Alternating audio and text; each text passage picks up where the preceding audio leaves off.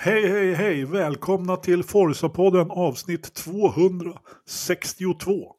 Idag är det den 26 i 6 2023 och klockan är kvart över sju och vi spelar som vanligt in live på YouTube. Men det går precis lika bra att lyssna i efterhand på eh, valfri poddplattform. Eh, dagens datum förpliktigar. Eh, det är nämligen eh, min, eh, den person jag känner med kanske mest tålamod i hela världen. Nämligen Dr. Lövström, min fru, fyller 45 år idag. Grattis! Jajamensan. Grattis. Och jag trodde att det skulle bli en snabbpodd idag eftersom det var total nyhetstorka. Vi hade egentligen bara jag och Patrik hade egentligen bara övrig motorsport att ja. prata om, eller hur Patrik? Ja, men jag var också lite halvnojig, men det löste sig i eftermiddags. Det var damp ner eh, nyhet efter nyhet efter nyhet från ja, olika delar av världen, så det var ju kul. Eller hur? Först i morse och sen, bara, sen har det bara trillat på. Ridderstolpe, du är också med. Hur är läget? Ja, men jag är här. Eh, jag är bihanget eh, för, för dagen. Ja. Som vanligt. Ja, som vanligt, precis. Ja. Sköter tekniken. Ja. Eh, vi skulle ha med oss en Jakob också, men han har fastnat. Eh, jag vet inte om det. Han kanske kommer in. Han har ja, man vet aldrig. Han har fastnat i sin andelsstuga i, hur det nu var, i Robertsfors. Eller, ja, hur, hur det nu var med det i alla fall. Men, men, eh, nej, men vi ska prata eh, F1 som sen glider in i Indycar och sen så blir det ju trots allt det kördes ju trots allt rätt mycket övrig motorsport, så vi ska, vi ska nämna det också, för det var lite eh, remarkabla saker som hände där faktiskt, så helt klart. Men vi startar med eh, dagens stora nyhet då, att eh, Alpin får nya minoritetsägare. Eh, och eh, det här har vi ju faktiskt pratat om, som minnesgoda lyssnare kanske kommer ihåg, i maj har jag för mig att det var, vid tillfälle där, när man pratade om att Alpin var lite till salu. Eh, det var väl inte riktigt helt klart hur det var. Men eh, nyheten som kom ut då i morse var helt enkelt att eh, nu ska vi se om jag kan få det här rätt, även fast jag läser till. Alltså en investerargrupp då som heter Otro Capital, Redbird Capital Partners och Maximum Effort Investments. Och det här är då, de här Maximum Effort Investments är då de här eh, Ryan Reynolds och Bob Rob McElhenew. Två vet, skådespelare helt enkelt. En kanadik och en amerikan. Har du någonsin hört talas om någon av de här, Ridderstolpe? Absolut. Eh, Ryan Reynolds är ju en, en eh, kvinnofavorit. Det är ju en snygging av rang, kan vi ju bara meddela. Okay. Den, där, den där grabben har ju, har ju fått eh, kammen med sig, eh, kan vi säga. Och de har ju gjort en Eh, Eh, en väldigt lyckad investering i Rexham Football Club där de dessutom lyckades sälja in en liten, en liten reality-serie där de eh, investerade sina pengar och fick bra return on investment kan man säga att de har fått. De har inte gått lottlösa ur det där. Så att när de går in i det här så finns det nog en, en liknande idé i bakfickan kanske man kan säga. Ja, nej men Eh, Eh, alltså, det går ju inte att köpa sig Formel 1-stall nu för tiden. Vi kommer till det också eh, lite senare. Här, men här har man ju köpt sig en del av ett stall och uppenbarligen så var ju då alpin på något sätt till salu. Eller liksom där man kan få sig en del av ett fabriksstall eh, på känt maner som flera andra stall egentligen har ju den här, den här typen av upplägget. Eh, vad säger du Patrik? Eh, eh har du hört talas om någon av de här förut? Ja, men Ryan har man ju sett om ni har sett filmen Deadpool. Det är ju en klar favorit, mycket splash och humor.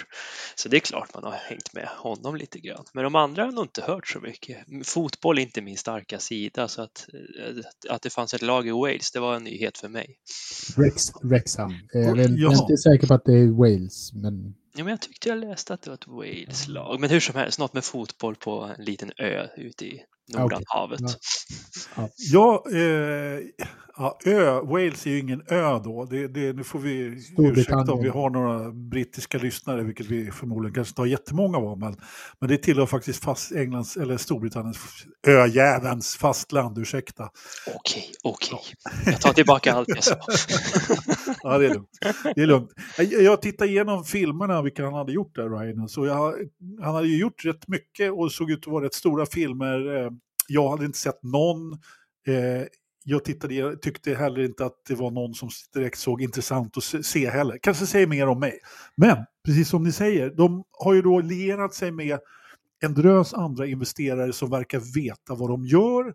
Det finns eh, liksom eh, tentakler här och de äger massor med eh, de här övriga investerarna äger ju då massor med andra eh, sportlag och varav en, en väldigt stor ägare i USA då som äger eh, ja, vad, vad de nu ägde. Det var så mycket här, så Boston Reds också och eh, vad det nu var. Har de köpt in sig i eh, Fenway Capital eller något liknande? Ja, precis. Och baseballlag och in, Inter, om jag miss, minns ja, rätt. Ja, det var väl kanske Liverpool och Milan var det. Milan, Milan och Liverpool, ja men precis. Och, sen, och är man med i Fenway då äger man Nascar-teamet också. Rush Fenway Keselowski. Rush Fenway. Mm. Så det finns ja. fina motorkopplingar här. Ja. Bra där, bra där Patrik. Eh, ja men precis, och, och eh, vi får inte glömma Toulouse där på slutet, det är franska också. Toulouse, Toulouse. Nej men som sagt, precis som du var inne på där Patrik, det finns ju faktiskt motorsportkopplingar här. Jag menar, eh, jag vet inte riktigt vad man ska tycka om den här eh, nya ägaren då och till till alpin, vad, vad det nu kan få för, men någon form av boost behövs det ju då för Renault som ägare. Man kanske inte behöver ta liksom alla smällar själv, man får en, ett, ett, eh, ett 200 miljoner pund, dollar måste det vara. Jag måste, nu, nu, nu fick jag... Dollar. 200, det, var, det var mycket valuta hit och dit, men 200 ja. miljoner dollar har jag sett. Euro ser jag här högst. Ja, precis. Ja, det var sen... euro. De, de, annars så, det var därför jag nämligen blev eh, osäker, för att alla affärer i Formel 1 brukar nämligen göras upp i dollar. Eh, men jag såg att det var euro, precis Patrik, eh, där, vilket gjorde att man då Eh, och det, det, här, det är det här som är intressant. Delen de köpte är alltså 200 miljoner eh, euro, euro. Och vilket gör då att hela alpin då värderas till 900 eh, miljoner euro. Och det gör ju då att eh, ja, men då får man ett värde på det här eh, någonstans. Och eh, ja, det är ju lite som när man lägger någonting på börsen. Liksom. Så att då marknaden bestämmer lite vad det kostar. Så här mycket kostar ett Formel 1-stall. Och, Formel 1-stall. och nu pratar vi ju faktiskt, ja, men ett utav de på den övre halvan får man väl ändå säga Patrik? Helt klart, helt klart. De är ju ändå ett topp 5-team skulle jag vilja säga i den här ligan. Ja men precis, precis. Och eh, vad säger du, eh, vet, styrelseledamot Ridderstolpe om själva affärstransaktionen? Är det inte lite... Det är vad tror du? I sådana fall är det intressant att veta vad Audi betalar för, för Sauber. Har vi någon jämförelse eh, där? Nu kommer det här lite så här blimp Eh, utan att du är beredd här Löfström, men du kanske redan har tänkt tanken. För att om, om man är villig att betala 900 för alpin, vad, vad betalade man då för Sauber? 7? 700? Mm, alltså det är ju frågan, det är, det är, där är ju lite hemligt. Alltså, jag måste rätta mig själv på en gång. 200 euro var, var delen och, och värdet var, blev ju 900 amerikanska dollar då. Naturligtvis om man, får, eh, om man får valutorna rätt där, precis som du ja, sa. Det var, så... det var en väldig mix av valutor framför. Ja, jag störde ja. mig väldigt på det där när jag läste. ja, jag med, jag med. Jag vet att man brukar värdera allting i mm. dollar för mm. enkelhetens skull, men det är ju brittiska team vi pratar om här. Och så då blandar man in då eh, euro dessutom. Men, men det är intressant det du säger, därför den summan kommer vi aldrig få reda på eftersom där, där har vi liksom skygga affärsmän som inte riktigt vill tala om. Och det är ju det som är det intressanta med det här, att man talar om eh, liksom köpesumman. Och vad det tillför. Du, du, sätter ett tydligt värde på alpin.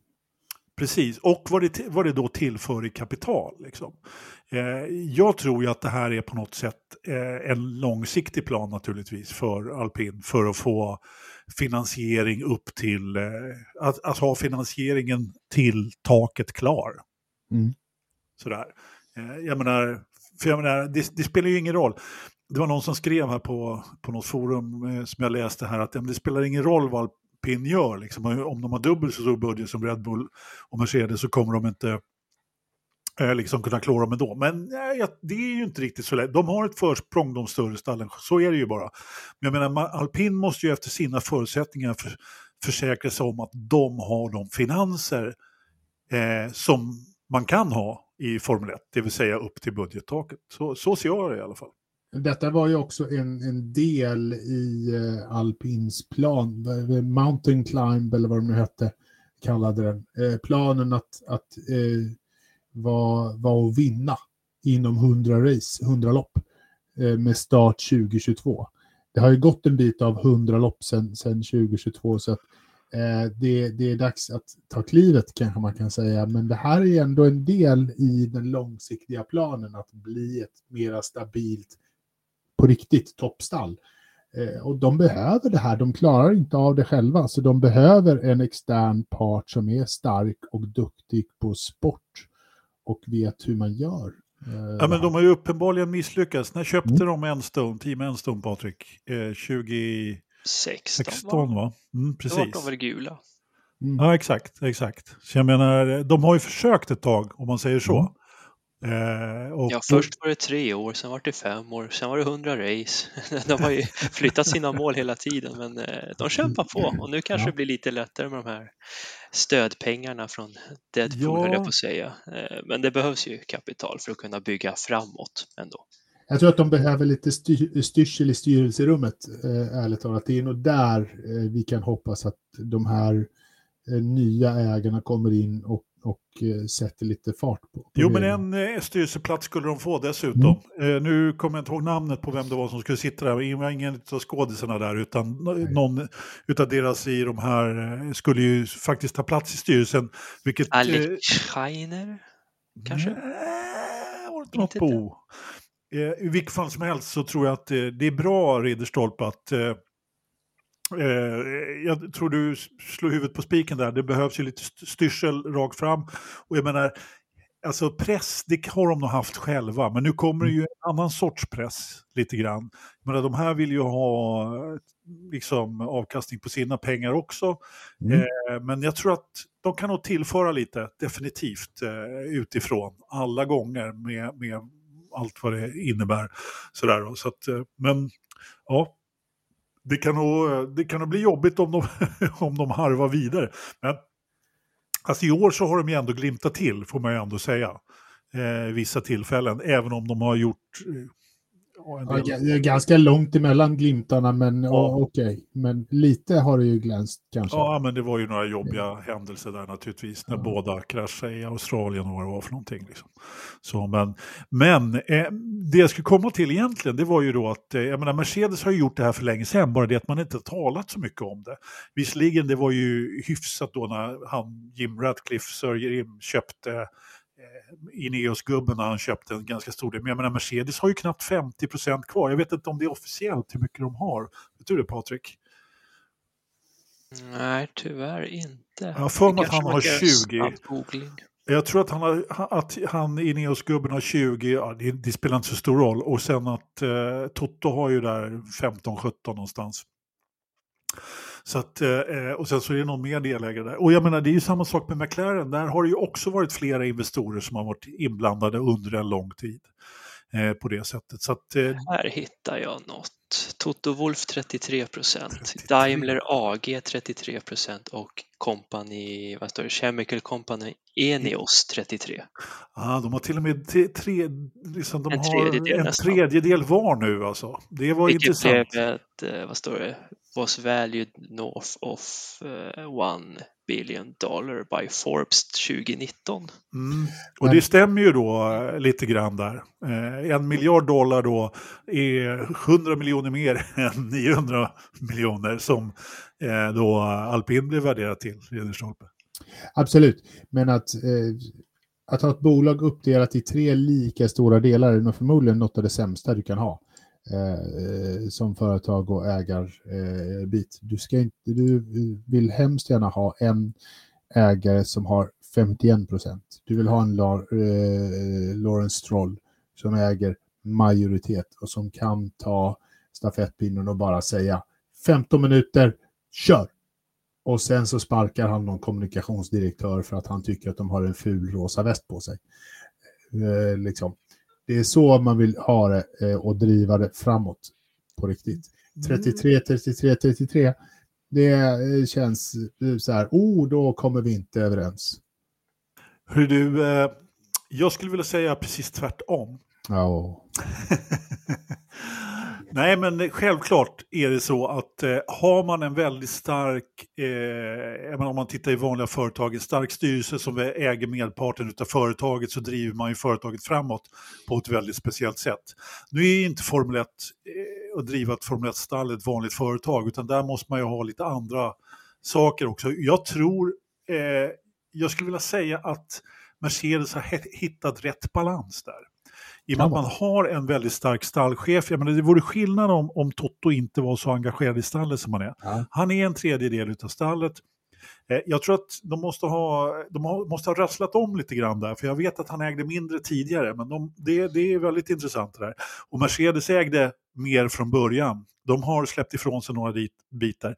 Och det gör ju också att Mercedes kan dra sig ur på ett enklare sätt än de vill. Eh, men de har samtidigt långsiktigt liksom investerat i sporten och eh, Ineos då som en oerhört stark finansiell partner i alltihopa. Eller hur Patrik? Jo, men så är det nog.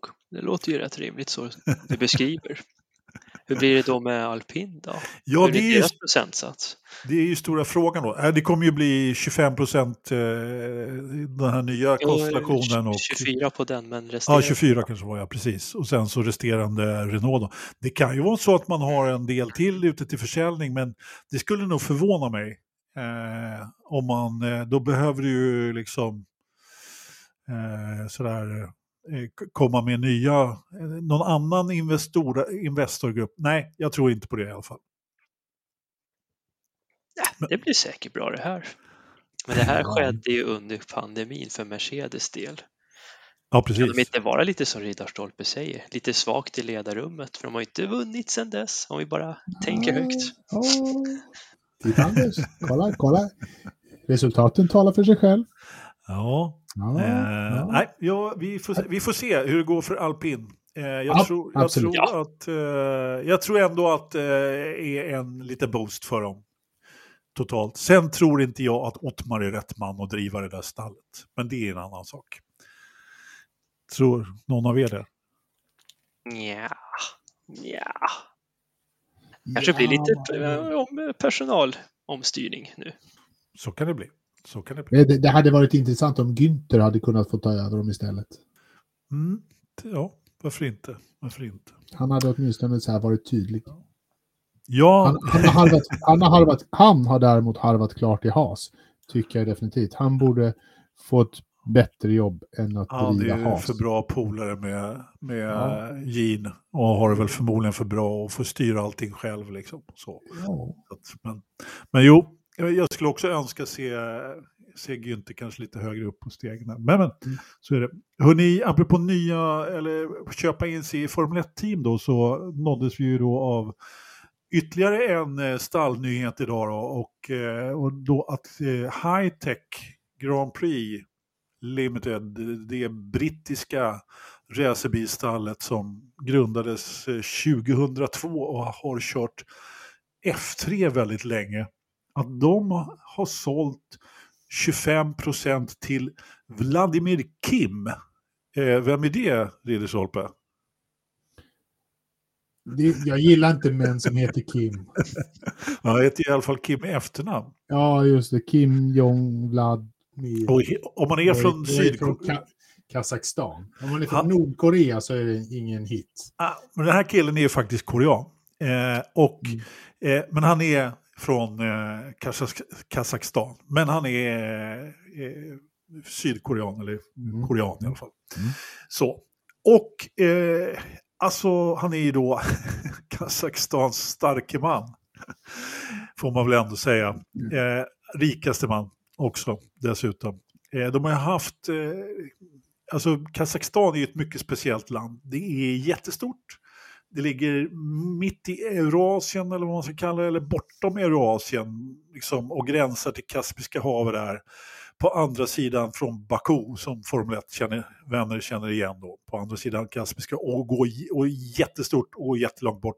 Och det bor typ två miljoner Eh, och det har varit en diktator där som, slut, slut, som avsatte sig själv för ett par år sedan, när var nu sultan. Och sen så har de bytt namn på huvudstaden fyra gånger de senaste tre åren, som ingen vet vad huvudstaden heter. Först, skulle den he först flyttade de huvudstaden och sen skulle den heta samma som diktatorn. Och, alltså det är ingen, det är ingen ordning, ingen ordning alls. i det där de, de kanske behöver en ny styrelse. Ja, eh, de kanske behöver en ny styrelse. I vilket fall som helst, jag vill inte komma någon med det här konstiga resonemanget annat än att det är lite...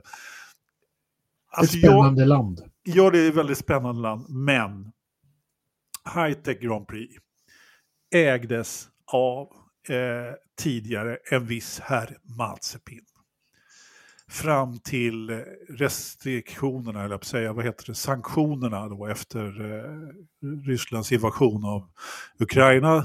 Då, eh, då, då helt plötsligt så sålde man tillbaka då till de ursprungliga ägarna, de som startade stallet och jag undrar om inte det här bara är en fint av herr Mazepin med sin polare i Kazakstan. Han har hittat en gubbe som eh, som inte är under sanktioner. Vad, du menar en så, kallad, en så kallad målvakt? Mm. En typisk kazakisk målvakt, ja. Grejen är att de tänkte att de skulle få vara med i Formel 1 2021. Det är ju det de vill. Det är ju den högsta önskan för herr, herr Mazepin och både senior och junior vill ju tillbaka dit. Att de har en front från Kazakstan, jo men det är väl ganska enkelt köpt herr Mazepin har gott om pengar. Gödselmasse har, har miljarders miljarder undanstoppade i kudden eh, hur, hur mycket som helst och att han kan, kan gosa runt med någon visserligen hyggligt rik eh, farbror Kim i, i Kazakstan. Mer pengar än vad jag någonsin kommer att ha. Men eh, eh, att det här är lite grann är, är spel för gallerierna för att Mazepin ska kunna försöka komma tillbaka och, och kanske få sin son att köra under, jag vet inte, albanskt flagg. Jag vet inte vad man vill ha för att inte köra ryskt för att komma in igen. Kazakt flagg? Kas ja, kazakt flagg, okej okay då, om man tycker det. Ja, det är väl inte helt, det är inte, det är inte helt orimligt. Kommer de att få en, en bil på startplattan 2026? Ah. Ja. Ah. Har du hunnit... Det här tror jag på. Har, har släng Andretti, släng Cadillac, släng alltihop. Det här tror jag på. Riktiga pengar från Uralbergen där borta. Det kan inte bli bättre. Och de har ju byggt en MotoGP-bana som de skulle ha kört i år, men det blev det ingenting av för ja, det var någon pappersarbete som inte gick fram. De visste inte vilken stad det skulle ligga i, om det var... Kan ju, kan ju vara så. om det var Astana eller vad fan vad de nu vet. Nej men... Eh, Nej, men skämt åsido, nej, eller nej, jag vill inte ha såna här skurkteam. Det känns som att det här var en Eccleston-era, eller? Ja, alltså jag, jag är mycket tveksam. Och, men däremot så läste jag någon hyllningskör ifrån Dominicale om att de skulle eh, och det förvånar mig lite grann då när de har liksom satt stopp, stopp, stopp till Andretti och Cadillac. Eh, medan här då så, så eh, på något sätt så bjuder man in. Alltså jag vet inte riktigt. Formel 1 behöver ju bestämma sig vilket ben man ska stå på. Vad kostar en inträdesbiljett? Vill vi ha fler stall? För jag menar, eh, så poppis som F1 är nu så skulle man ju förmodligen kunna sätta ett par bilar till på griden, minst. Eh, det är väl klart att vi vill inte ha tillbaka 80-talet liksom, när det är någon som harvar runt sju sekunder bakom eh, men, eh, och behöver köra förkval. Men Alltså på något sätt eh, så måste man ju ändå dela med sig av kakan lite grann då och släppa in, eh, framförallt Andretti skulle jag säga. Jag tror att de är på väg in faktiskt med Cadillac där, men, men äh, jag, jag, tycker att det här är lite märkligt. För jag menar, fin nu finns det ju pengar dessutom. Men eh, ja, men kan man släppa in Andretti och inte släppa in high-tech? Det är tveksamt faktiskt. Det kan man säkert. Eh, dra in Andretti. Om vi säger så här. Vi räknar lite kallt med att Andretti får plats. Det blir två bilar till. Jag skulle kunna tänka mig ytterligare ett stall. Frågan om, om vilket det andra stallet är. Blir det high-tech? Eh, vi har lite andra eh, alternativa eh, spekulanter också eh, hit och dit som, som gärna vill vara med. mycket, mycket östpengar, asiatiska och liknande som, som finns att spekulera med. Men jag tror att det finns, det finns en uppsida eh, att få in två nya stall. Jag tror att det skulle faktiskt vara ganska bra och lagom. Eh, ett stall, ja men det, blir, det gör ingen större skillnad, liksom, det rör inte runt grytan på någon större eh, mått. Men, men två nya stall, det skulle, det skulle hända lite saker då och det skulle förändra dynamiken eh, lite grann tror jag. Och det tycker jag skulle vara intressant. Vilka de andra är efter Andretti och Cadillac? Ah, ingen aning. Men hemskt gärna inte eh, ful pengar som, som high-tech och liknande verkar vara. Nej, jag tycker inte det heller. Det känns jag vet, lite halvoseriöst om det nu är Mazepin som är förklädd till någon Kim i det här fallet. Men ja, konstiga saker har hänt förr när det kommer pengar i den här branschen. Men när var det här sist? Var det 2010 vi bjöd in tre nya team i form av Lotus Caterham eller om det hette Virgin, Virgin, Marussia, Manor, vad de nu hette allihopa, så var det väl Hispanic.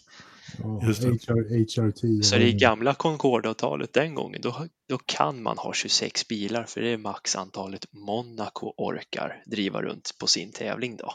Precis. Så tekniskt sett finns det plats för 13 team då. Mm.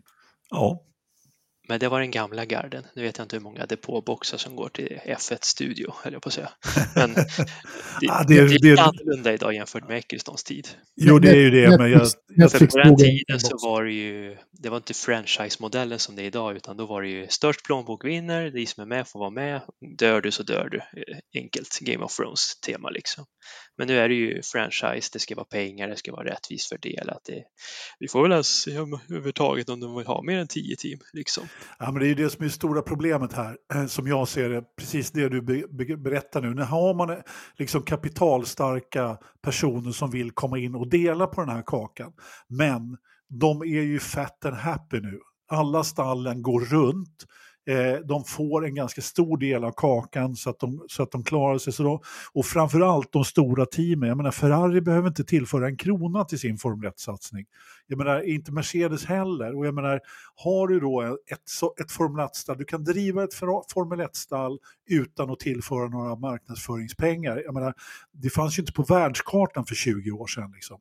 Kanske inte ens för två, tio år sedan kanske. Men, äh, och, tveksamt, men eh, och jag menar har du den här typen av eh, ekonomiskt incitament och inte förut så fanns det ju en tydlig regel att pröjsa 50 millar så får du en plats på griden om det finns plats, annars får du köpa något av de andra stallen. Ja, och nu har ju det blivit till att ja, du får köpa ett annat stall. Eh, så nu finns det ju liksom ingen klar väg in i Formel 1. Jag tror att alltså i längden så måste ju Formel 1 ändå, liksom Liberty, förlora på det, känner jag. Eh, Men samtidigt så har jag ju också det här gamla kvar då med att jag vill ha 26 bilar på griden. Det har alltid varit 26 bilar, eller alltid, men det var det förr. Jag vill gärna se 26 bilar. Ju mer desto roligare, eller hur? Ja, men Ja, eller hur? Ja, ja, jag håller med. Några, några, några till skulle vara bra. Ja. Jag, jag, har, jag är inte låst vid 26 som, som du är, men eh, Alltså jag, är inte, jag är absolut inte låst vid 26. Det kan vara 36 och 43 också för den delen.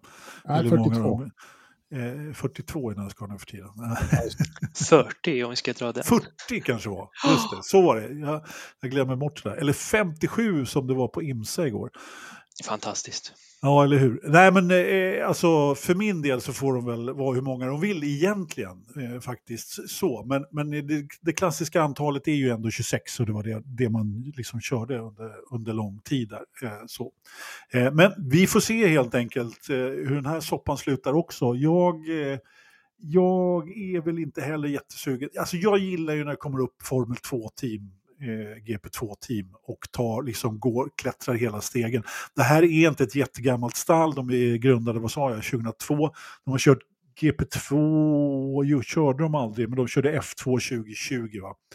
Eh, så att det är ju ändå inte världens största organisation, även om de då eh, tillsammans med ART. Men ja, vi får se, vi får se. Eh, det blir vad det blir. Men Ja. jag, tycker, jag s- tycker det är roligare att se en Andretti och en Cadillac istället om jag får välja mina team så att säga. För det finns ju lite kandidater ändå. Det är någon rik Hongkong-nisse också som vill in i Formel 1. Men han ja. verkar ha en liten procent med Williams också att göra, så han kanske köper sig in där istället. Ja, men det är ju precis. Det, det ju, har man eh, kanske... Det, det, verkar ju faktiskt bli så att det finns öppningar då att köpa delar av stall istället. Då, så att, eh, det verkar vara nya normen. Ja. Köp och byt inga namn. Ja, men precis. precis. Eh, någon har skrivit här på mitt körschema att Sonoda ska få köra Nordschleife. Han blev väl inbjuden till den här uppvisningsrundan där i... Yes, det såg jag idag. Jag tänkte på det, Sonoda får köra men inte Verstappen. Men det säger väl bara en sak. Ja. Sonoda tar en order, du ska inte krascha, ha kul. Verstappen, han kommer bara försöka sätta varvrekord och det vill man inte riskera. Jag eh, vet inte riktigt om det är så enkelt. Jag tror helt enkelt att det är så att Sonoda kan man, kan, kan man avvara. Åh, oh, du tänker oh, så. Oh, det där var inte snällt. Men Nej, men alltså, jag menar inte avvara så, men jag menar, om han kör av och kanske skadar sig lite grann. Inte, ja. att han, inte att han skadar sig mycket eller så, men jag menar, ja. Du menar att Ricardo slänger ut en liten del på banan och så fick han köra Singapore lite lägligt veckan efter. Typ. Oopsie daisy. Nej, men det, det är nog en, en, ganska stor försäkringsfråga. Eh, så det är nog en hyggligt stor skillnad i premie att köra Max Verstappen eller köra Yuki Tsunoda på, på Nordsjö. Inte för att någon av dem är billig i försäkringsfrågan. Definitivt inte. Men jag tror att det ändå det är en ganska stor klasskillnad där. Det är garanterat. Men han ska inte köra F1-bil heller. Han ska köra en Honda av värre modell. En Honda. En NX3 eller vad de heter de där nya ja. sportbilarna.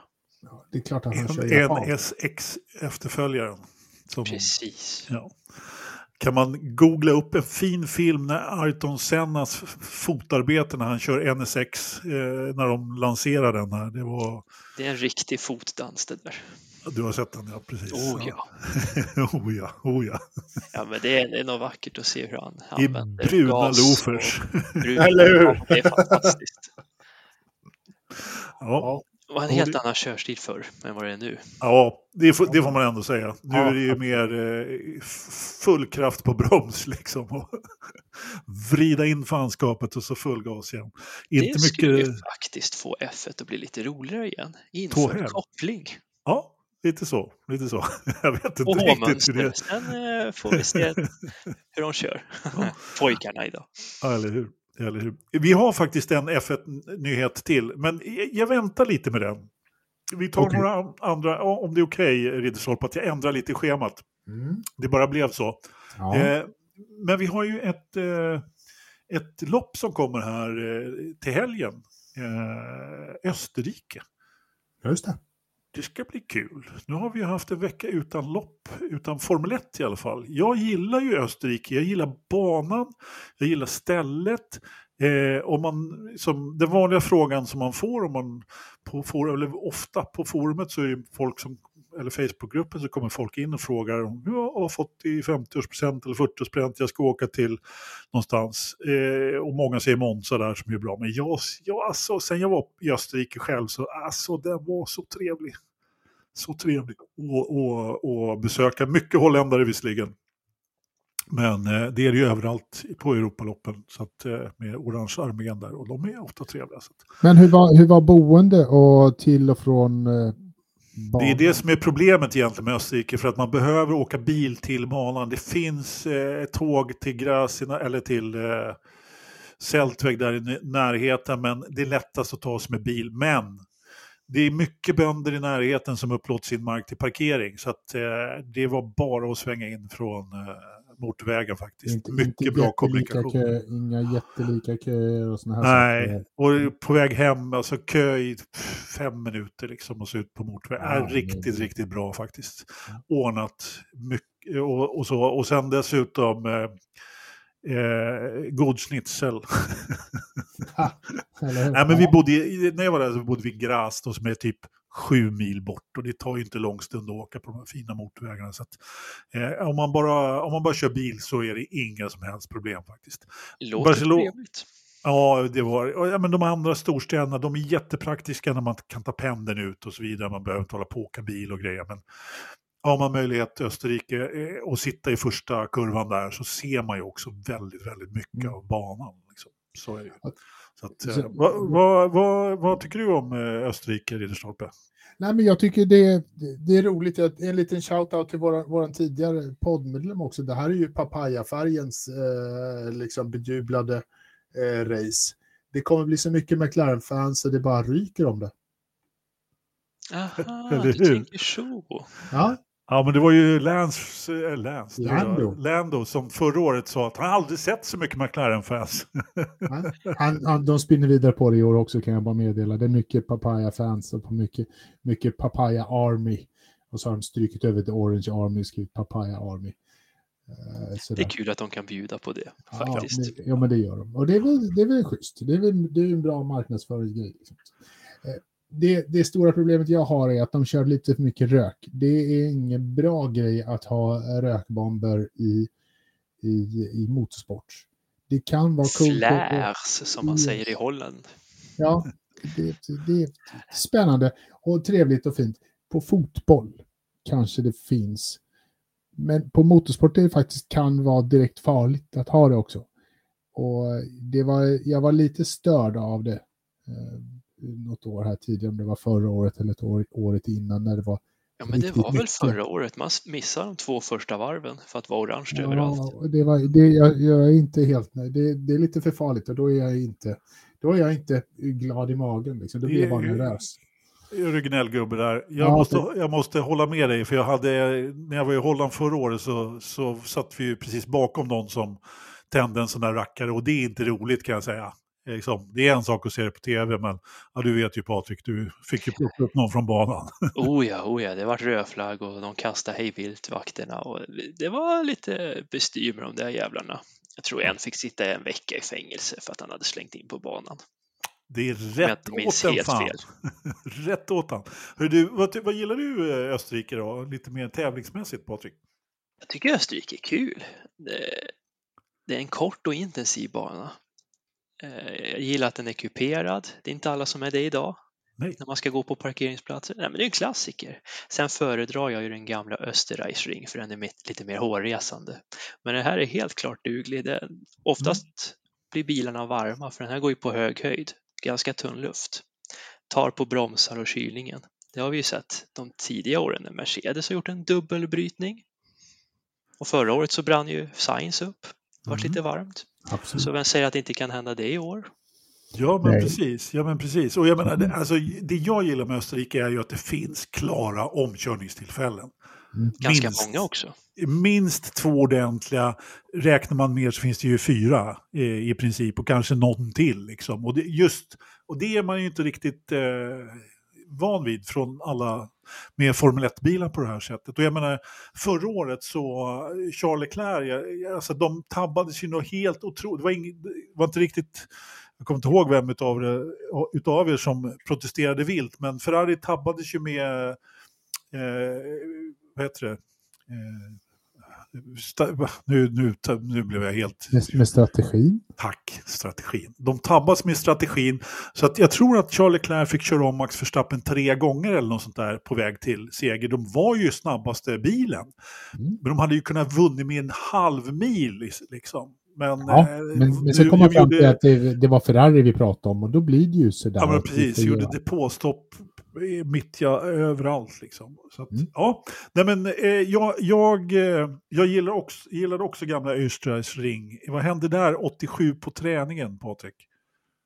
Träningen, då tänker du på Lillövis när han ja. gjorde en roadkill av alla rådjuren som sprang över där.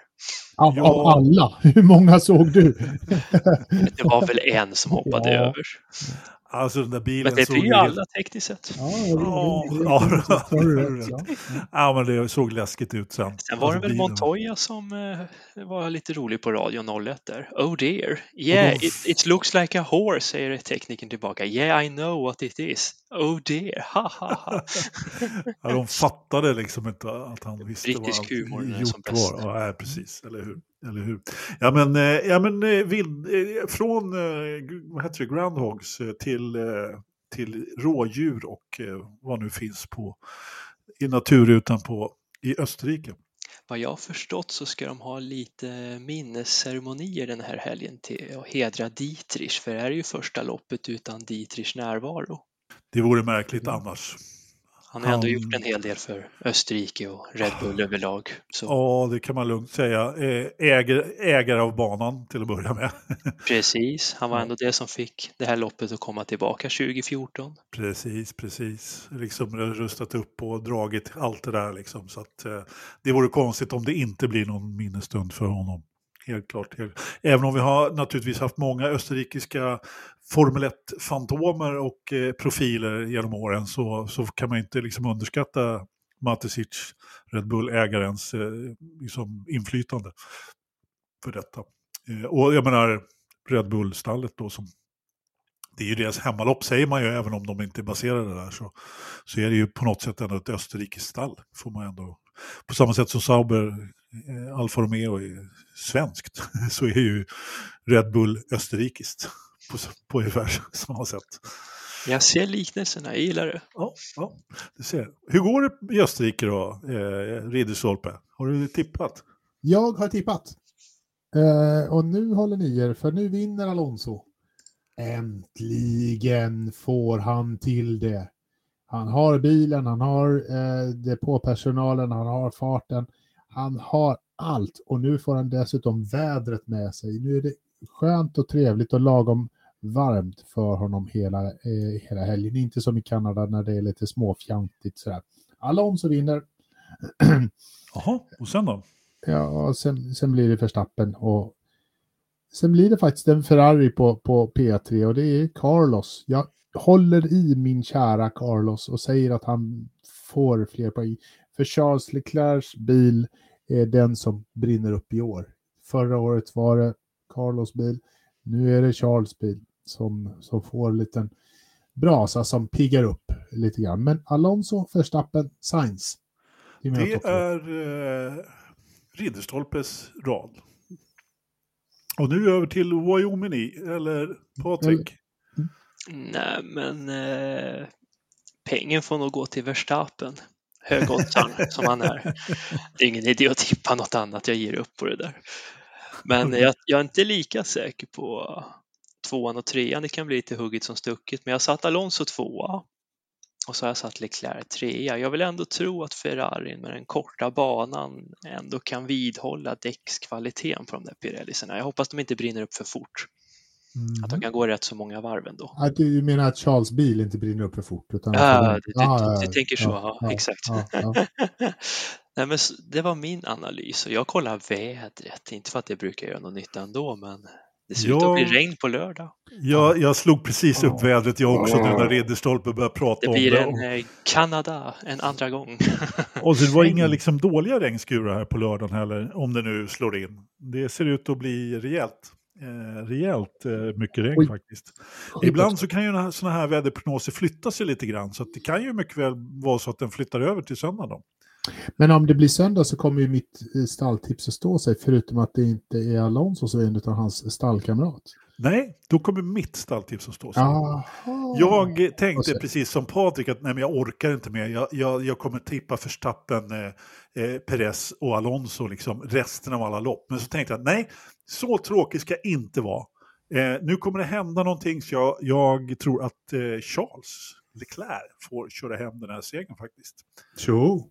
I och med att de också var så starka förra året och fick eh, trots allt hade farten även om de försökte med, med att förstöra för honom från depådisken så, så gott det gick. Då, då Och jag tror att Alonso kommer tvåa och jag tror att Press svingar sig in på tredjeplatsen. Eftersom... Men vad gör Verstappen? Hallå, Eller, vad, vad händer, vad händer med Max the Backs? Vad, vad, vad tog han vägen på din lista? Stroll kör av honom. Oh, den, är fin. den är fin. Våra kompisar i uh, The Race Podcast, jag, jag, måste bara tipsa Jakob om den, eh, om han någonsin kommer tillbaka till podden. Han verkar fastna rejält där i sin andelsstuga. Han, han, eh, de pratar alltså hela podden den här veckan om bara eh, unge herr Strulovic. Eh, jag vet inte riktigt om jag tyckte att det var ett poddämne att prata över en timme om honom en timme Lance Stroll. Snacka om nyhetstorka. Vi har ju Ja, haft men då- mycket nyheter. Ja, men jag tycker också det. Liksom. Vi behöver inte prata om Lance Stroll en timme. Även om vi kan prata bort till mycket ändå. Kom de fram till något? Eh, att han var medioker. Ja, okej. Bra, då är vi Eh, klara med nej, det. Medioker är fel ord kanske, men eh, att han eh, inte kommer att bli världsmästare. De hade till och med med en gammal racerförare som hade kört emot honom och de kom fram till att han var en medelmåtta med Formel 1-mått mätt. Och det kan man ju, och att det tog en, en, över en timme, det, det, det får stå för dem, höll jag på att säga. Det har vi redan sagt. Ja, men blir han en ny Bottas eller blir han en ny Alesi? Vart är spammet? Eh, Alltså nu ska jag inte jämföra, eh, vet du, Alesi var ju en särdeles talang, det har ju Lance Stroll aldrig varit. Jag menar, Alesi hade ju... Heikki Kovalainen är namnet som dyker upp. Där sa du det! Där sa du det! Det var det svaret jag ville ha. Kovalainen. En seger, max. Klart. Förlåt ja, Anders. jag håller inte med riktigt. Det är, alltså, eh, du behöver inte ursäkta det. Jag tycker att han är en helt egen lina. De jämför dem lite grann med eh, eh, eh, vad heter det, Maldonado utan svans. Mm. Och, eh, och det är då ett brittiskt uttryck som, ja, ni får, ni får försöka fundera på det själva. Men jag, jag gillar kan- Maldonado. Jag Ja men han var ju så jäkla kvick liksom. Färgglad figur. Ja, men han var snabb som fan, men han, man visste ju aldrig vad man fick. Han var ju en, eh, han var ju en Grosjean i kubik liksom, och kvadrat. Man visste aldrig vart han tog vägen någonstans. Han var ju fullkomligt livsfarlig för sina medförare också. Eh, han är den senaste Williams-segraren. Japp. Det kan man inte ta honom ifrån. Barcelona. Fantastiskt. Eh, det var, ja men det var, ja, men det, alltså farten saknades ju inte där. Nej, Eh, så, det så var var det. bara Det pengar. var, det var, ja men det var, ja, det saknades inte heller under ett, under ett tag. Nej, men de sinade ju till slut. Jo, jo, jo, jo. VSA. Jo, då, jo, det gjorde de definitivt. Oljepengarna från Venezuela sinade när, när, när staten gick i konkurs i princip. Men nu var det inte Maldonado vi skulle prata om, utan vi måste raskt gå över till, eller vi ska inte gå över till, till eh, Indycar, men vi ska prata Indycar och Formel 1 i en helt underbar symbios. Oh. Därför att eh, vi har fått till oss, eller vi har inte fått till oss, men det kom ut en artikel idag i Industar som vi kan eh, rekommendera till läsning där man går igenom lite Ja, silly season i, i Indycar och samtidigt så pratas det ju ganska mycket på andra Indycar-poddar och så vidare om vårt Palou. Och den ena podden säger att han, eller de ena journalisterna säger att han med 8, sen ändrade de sig till 99,9% säkerhet kör för McLaren nästa år. Men enligt våra oerhört eh, goda kontakter i italiensk press, media, så de säger någonting helt annat, Ridderstolpe. Vad säger de? De säger att eh, Alex Palou kommer att sitta i en Formel 1-bil med lite blåa färger. Med lite blåa färger under Ja. nästa år. Ja men precis, ja men precis. Och han har ju imponerat rätt bra på testerna. Det är, det är lite svårt att utröna, Patrik. Hur, bra, hur mycket har han imponerat? Hur, hur kan man veta det egentligen? Ja, det var en bra fråga. Den, den tyckte jag att du skulle få kunna ta. Men eh, det är väl klart att eh, du måste ju lära dig att hantera bilen och på de testkilometrarna man ändå får så kan man säkert imponera på en och annan ingenjör vart knapparna sitter liksom och Mm. hantera det därefter. Mm. Det kan man nog se ganska snabbt. Ja, och man... Ja, Ridderstolpe. Ja, tydl tydligen så har han ju imponerat riktigt, riktigt ordentligt på, på mer, än, eh, mer än stallet han, han fick en liten testkörning för. Han, han har ju verkligen imponerat och ryktet har ju gått. Eh, Ja, det, Jag har ju gjort det. det. Det, sprids ju. Sånt här det är går ju inte så- ganska fort. Ja, och jag menar, han har ju, han har ju minst sagt stärkt sina chanser eh, till att vinna eh, mästerskapet här med 70, redan med 74 poäng, har eh, vunnit de tre av de senaste fyra loppen, varav eh, Indy 500 som han inte vann där han hade pool och körde upp sig och så vidare. Så att jag menar, och de kallar honom för Mr Precision eller något sånt där, liksom att han är så, har en sån precision i sin körning. Och, Jag tänkte på det när ni nämnde det, Alain Prost, professor, AP, Alex Palou, AP. Ja, har vi en ja. ny professor? Ja, men, eh, Engelmark var ju inne på det i en tidigare podd också. Att han var lite eh, Alain Prost. Och varför inte? Varför inte? Jag, jag kan inte påstå att jag tycker att Alex Palou är en... Det är inte min favorit. Men det går ju inte att inte imponeras av hans körning. För han är ju säkerheten själv. Just den här säkerheten, det var något lopp som han liksom blev nerpetad, jag kommer inte ihåg hur långt bak det var egentligen. Och jag menar, så kommer han där och så tar han en topp femma ändå. Liksom. Det är lite Scott Dixon över honom också. Just att han smyger tillbaka. Liksom. Riktigt eh, snyggt måste man han är, säga. Han är ju...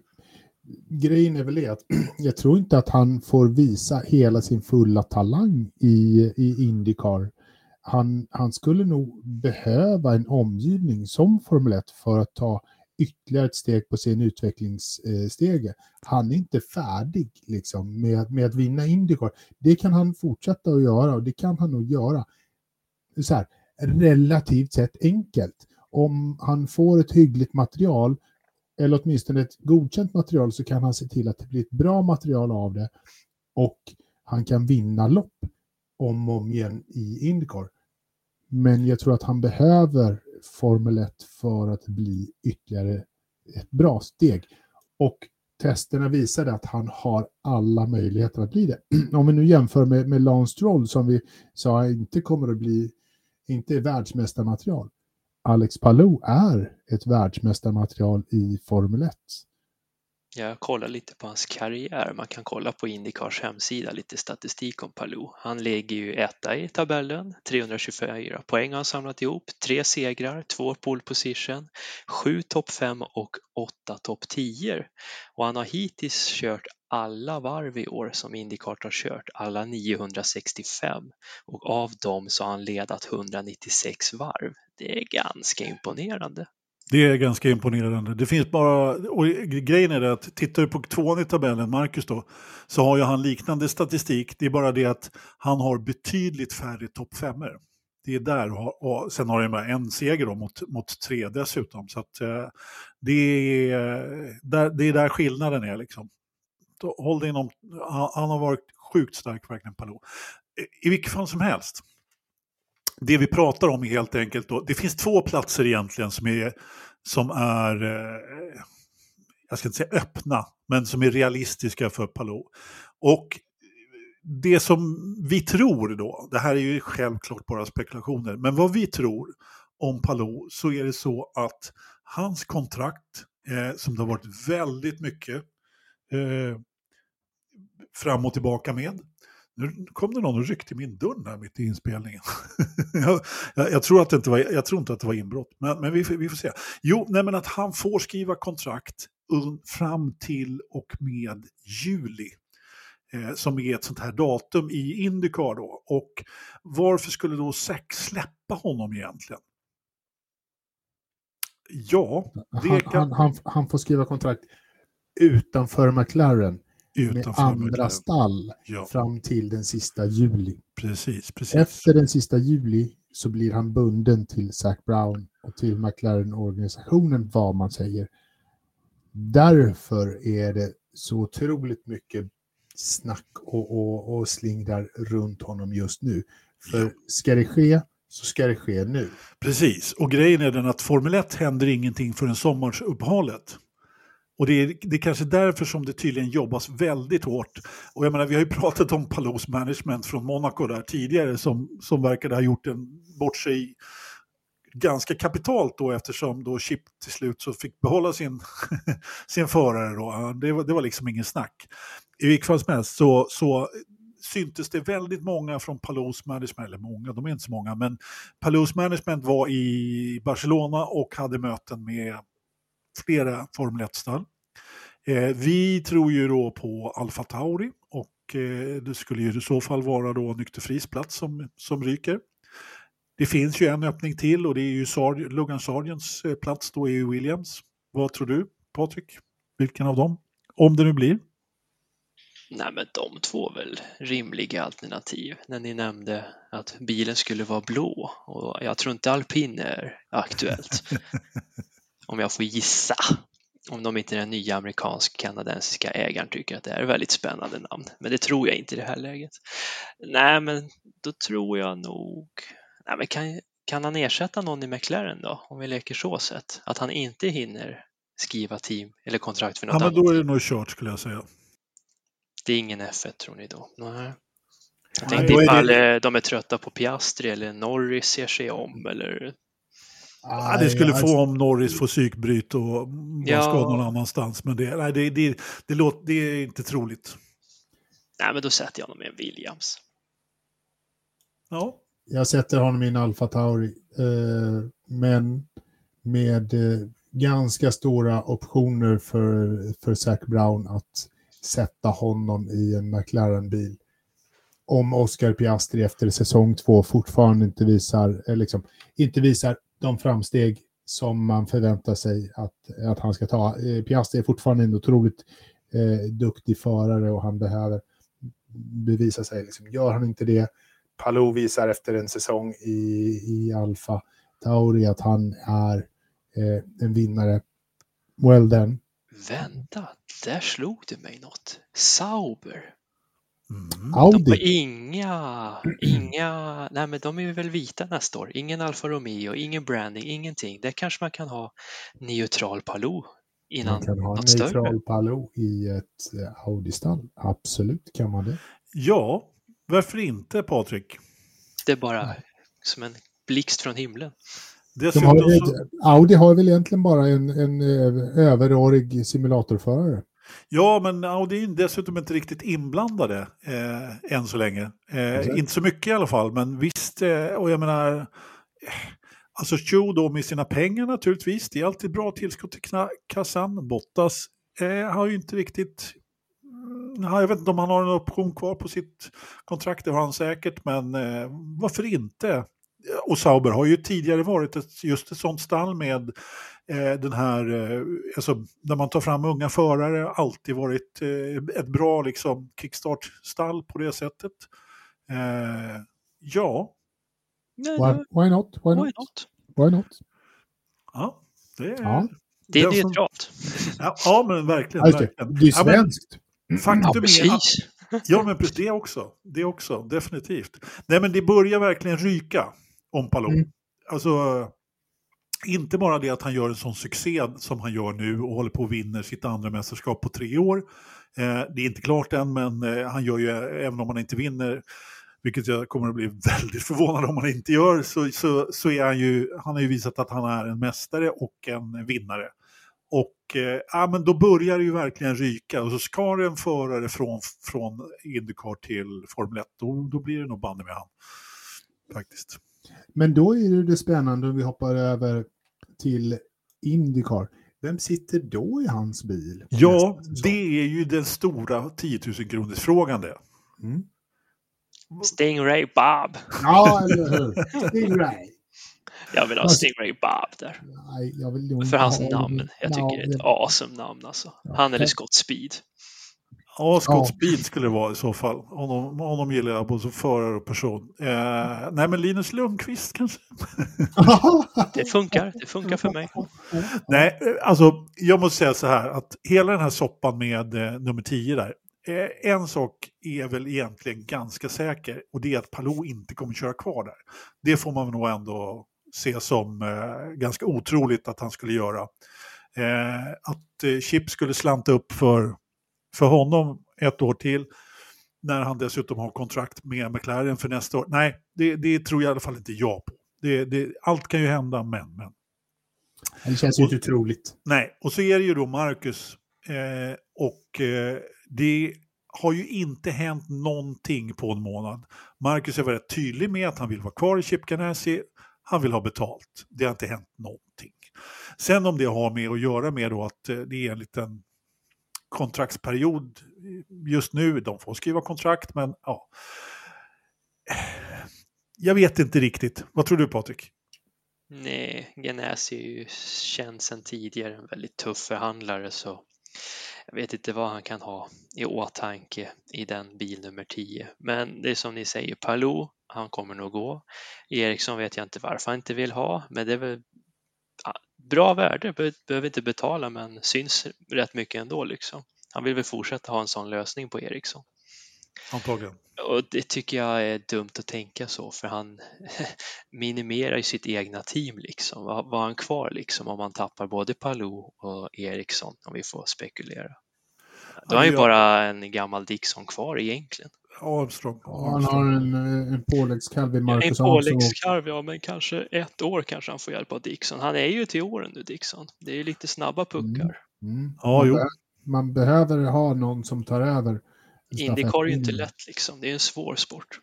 Det är ju det. Men eh, alltså killen ligger väl fyra i mästerskapet nu, Dixon då. Jag menar, han är ju, jag menar, han körde upp sig från 24 plats eller vad det var senast till den fjärde. Han är ju räven liksom. Ja, han är ju det. Men, men det, kom ju, det är ju lite misstag fortfarande. Det är det ju, det här med kvalet. Då. Men nu reparerar han ju det då. Men, men visst, eh, frågan är, han kommer ju få köra så länge han vill, misstänker jag, eller så länge han eh, levererar. Så är det. Eh, så är det ju definitivt. Men jag tror inte Chip har några problem att hitta någon förare och fylla. Eh, det kan ju bli så att Eh, om Marcus försvinner och eh, alltså det finns ju alltid någon med pengar som vill köpa den där platsen. Så är det. Och det sist var det väl 2018 teamet körde tvåbilsteam, så ja. han har gjort det förr. Det är ja. lite tjusningen i Indycar att man kan köra hur många bilar man vill egentligen. Ja, jag skulle väl i så fall tippa tre då. Eh, två mm. är väl tveksamt, men Armstrong lär ju i så fall sitta i tian och sen så finns ju alltid någon med lite budget. Som, det finns ju alltid en Renus VK eller en... ja, Ferrucci.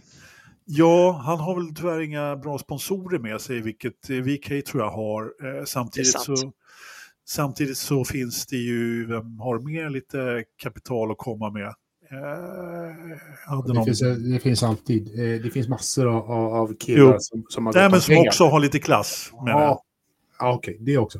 Eh, jag, jag, tror om, om Chip Ganassi förlorar både Marcus och Palou Eh, i, i ett steg så, så kommer Marcus Armstrong att sitta i nummer 10.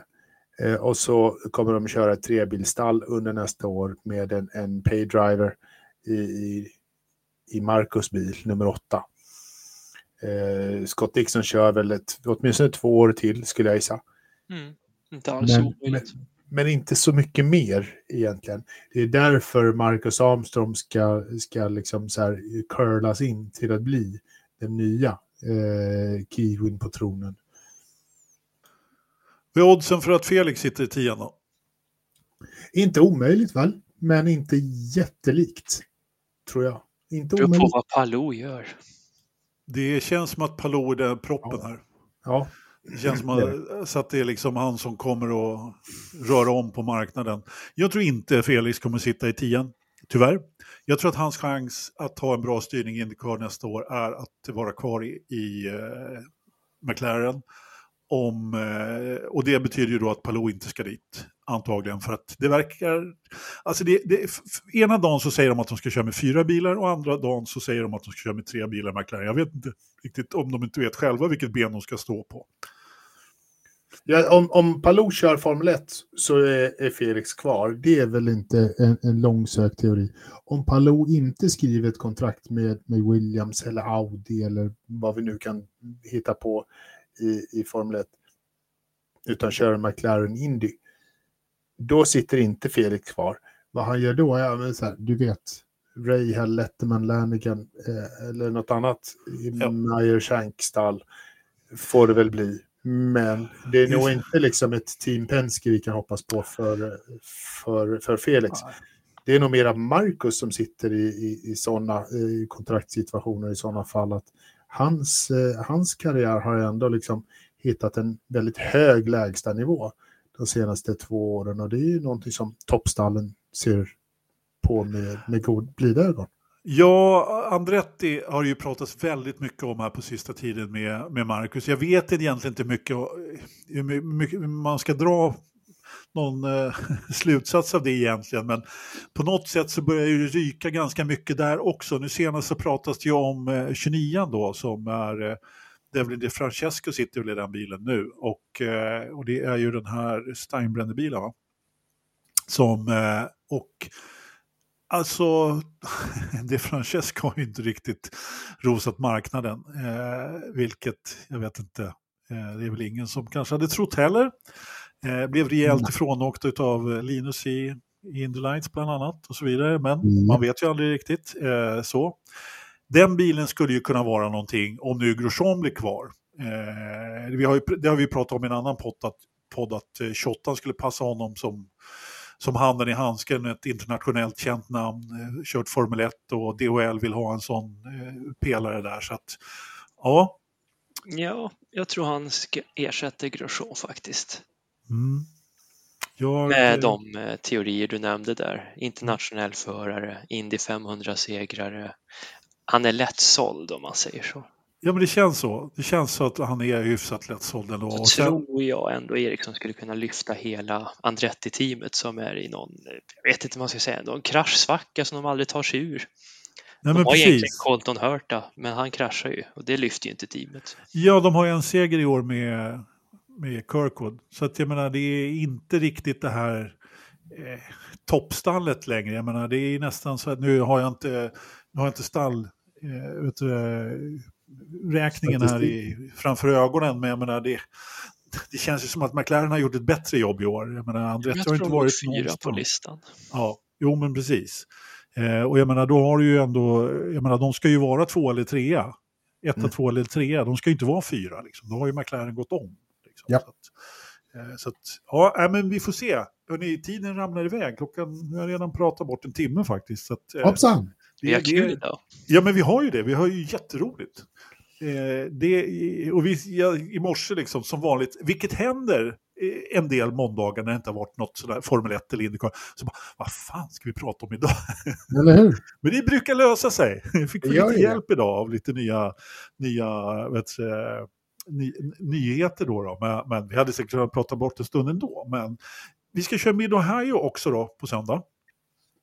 Och eh, ja, du får väl börja igen då, Ridderstolpe. Hur, vad, vad gillar du eh, med Ohio? Och hur har du tänkt när du tippar? Oh, jag tycker att det är skitkul. Mid Ohio är jätteroligt. Eh, det här är liksom, eh, det, det är Road America och Mid Ohio som jag tycker är, är, är vansinnigt eh, skoj.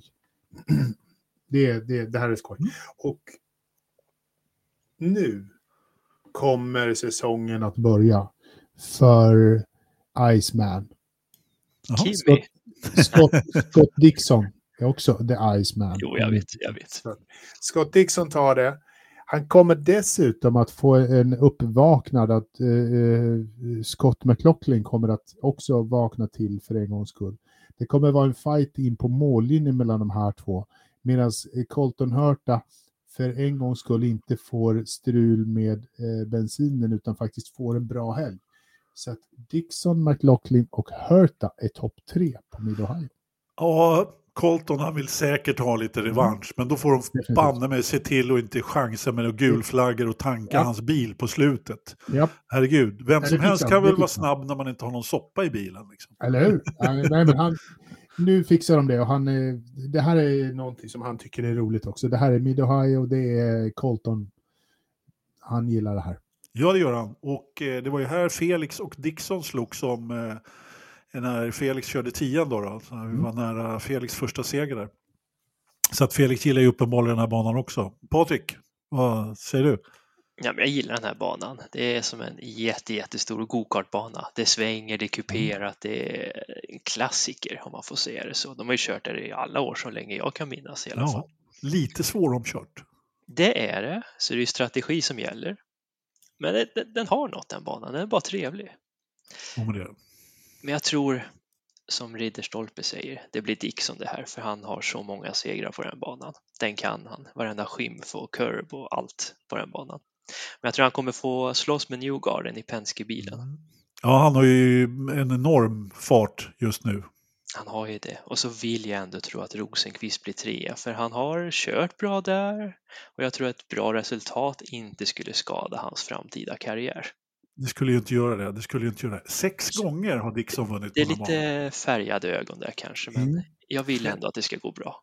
Ja. Känns det som att vi har sagt det förut, att det skulle vara bra för hans karriär? Att ja. bra. Jag tror vi har sagt alla åtta lopp hittills. Va? hittills ja. men han behöver, alltså han har ju, han har ju faktiskt spottat upp sig Felix, det får man ändå säga. Han ja. har gjort det bra här på, på slutet. Var det eh. när vi inte tippade honom i Detroit som han kom trea? Så ja, men precis. Jag kanske skulle ta bort honom. Alltså den här jäkla bränslefadäsen senast, den var ju, ja, den var Nej, inte var bra när han dessutom hade så bra fart och gjorde en så bra uppkörning nej, den var inte rolig alls. Så därför så tippar jag Felix seger. Oh. Han har också gjort det bra. Som jag sa, Dixon har vunnit här sex gånger, han blev livsfarlig. Men han får nöja sig med tredjeplatsen och sen så blir det Newgarden däremellan. Jag, eh, jag är också jag är livrädd för Newgarden. Jag menar, han, när var det nu, ska vi se. Var det 2020 som han låg två i mästerskapet och Dixon ledde med 76. Ja, han ledde inte riktigt lika mycket som Palou gör nu.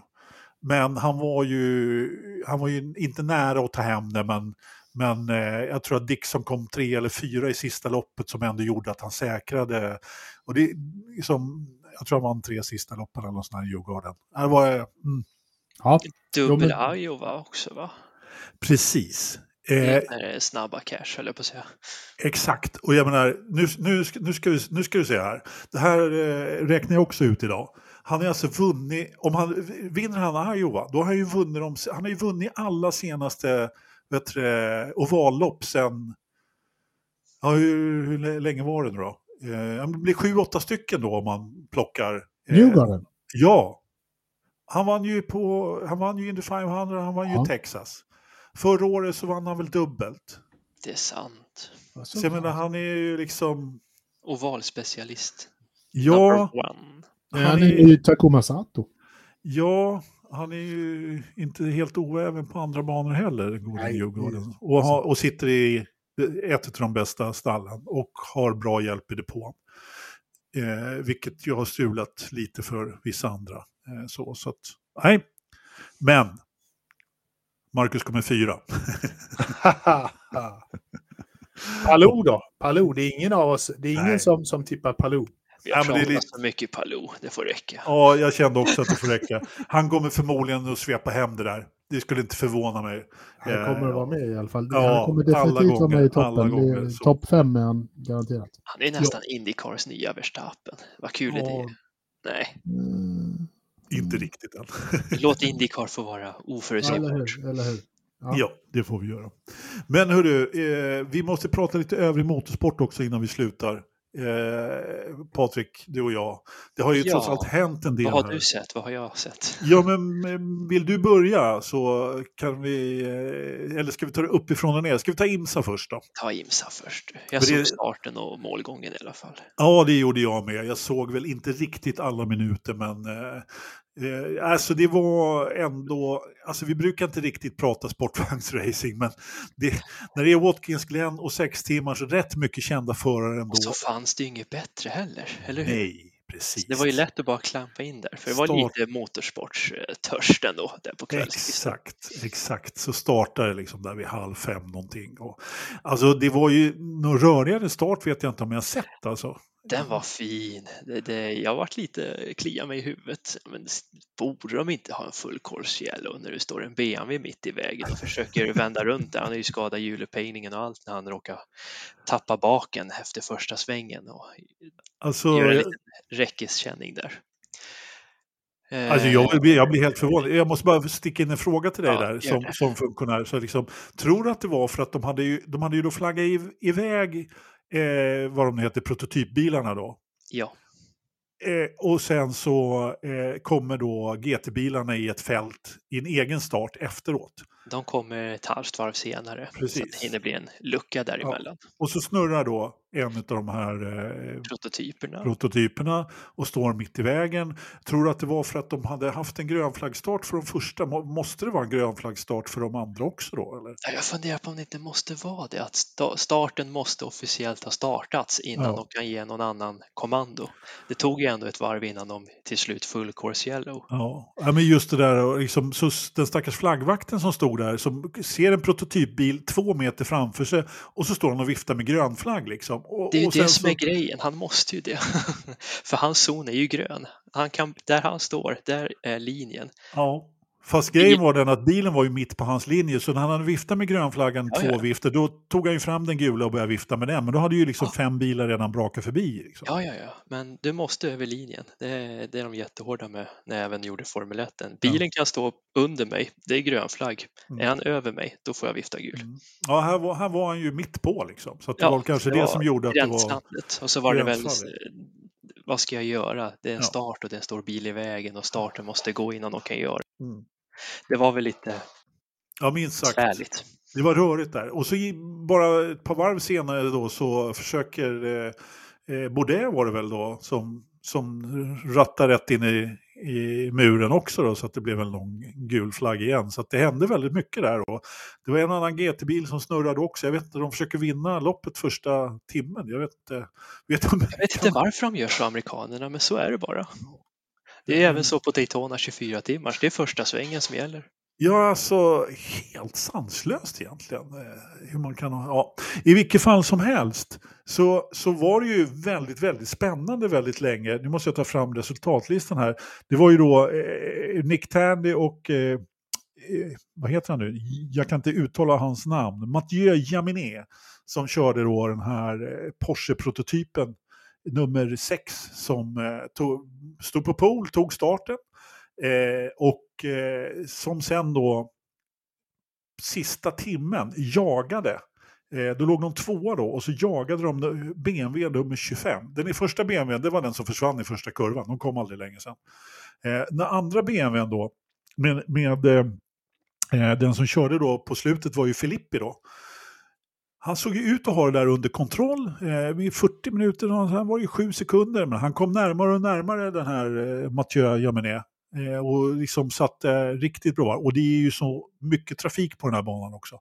Hela tiden. Gisses de blinkar med helljusen. Det är ju så kort bana så det blir ju trångt om det är 57 bilar där samtidigt i 57 olika hastigheter egentligen. Ja, det är fyra klasser eller något sånt. Det är, LM, det är inte bara den här GTP-klassen då, prototypen, utan det är LMP2 och LMP3 och sen så då två, två GT-klasser är det va? Eller Ja. tre?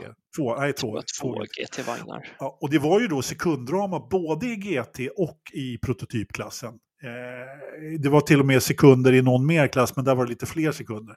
Men han jagade i alla fall i kapp då, Jaminet. Eh, han jagade i kapp eh, Filippi. Och, liksom mitt i en sån här situation då när de ska varva tre andra bilar så smiter han på insidan och kör om. Alltså mycket, mycket snygg omkörning får man ändå säga.